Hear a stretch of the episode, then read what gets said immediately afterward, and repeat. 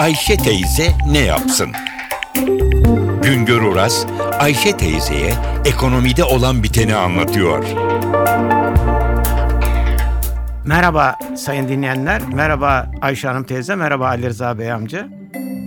Bizim ekonomimizin ayakta durabilmesi için her ay 5-6 milyar dolar net döviz girişinin olması gerekiyor. Döviz fiyatı ve faiz işte bunun için yükselmeye başladı. Çünkü döviz girişi durdu, yavaşladı. Böyle bir durumlarda Ankara'nın tedbir almasından doğal bir şey olamaz. Ankara başka tedbirler alırken bu arada da tüketici kredileriyle kredi kartı kullanımını sınırlayıcı tedbirlere yöneldi. Burada hep tüketicilerden söz ediyoruz, kredi kartı kullananlardan söz ediyoruz.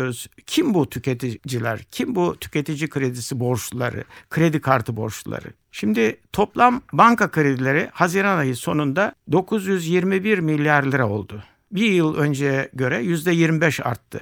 Toplam banka kredilerinin %24'ü tüketici kredilerini oluşturuyor. Toplam tüketici kredilerinde yıllık artışta aynı oranlarda yüzde 24 %25 oranlarında. Şimdi bakıyoruz tüketici kredilerinde en fazla kullanım konut kredilerinde görülüyor. Sonra ihtiyaç kredilerinde sonra da diğer kredilerde. Bir de tüketici kredileri yanında bireysel kredi kartı borçları var. Bunlar da Haziran ayı itibariyle 78 milyar lira. 78 milyar hani kredi kartında sınırlamadan söz ettiğimiz rakam işte bu 78 milyar liranın bir bölümü. 78 milyar lira kredi kartı borcunun 44 milyar liralık bölümü taksitli, 34 milyar liralık bölümü de taksitsiz kredi kartı borcu. Şimdi önemli olan şu, acaba bu tüketici kredilerini kimler kullanıyor? Yani tüketici kredisi kullananlar acaba bu kullandıkları kredilerle lüks harcamalar mı yapıyorlar? Merkez Bankası'nın açıkladığı verilere göre tüketici kredi kullananların %52'si ücretliler. Bir kere bu çok önemli.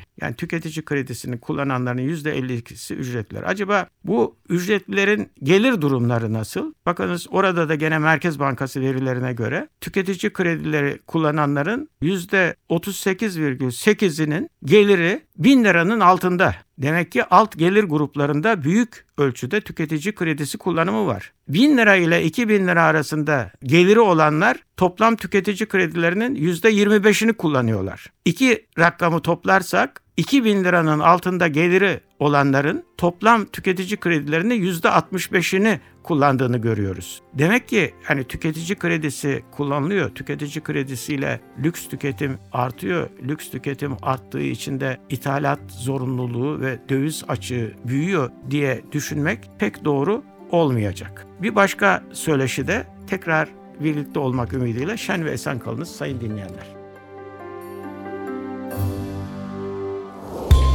Güngör Uras'a sormak istediklerinizi ntvradio.com.tr adresine yazabilirsiniz.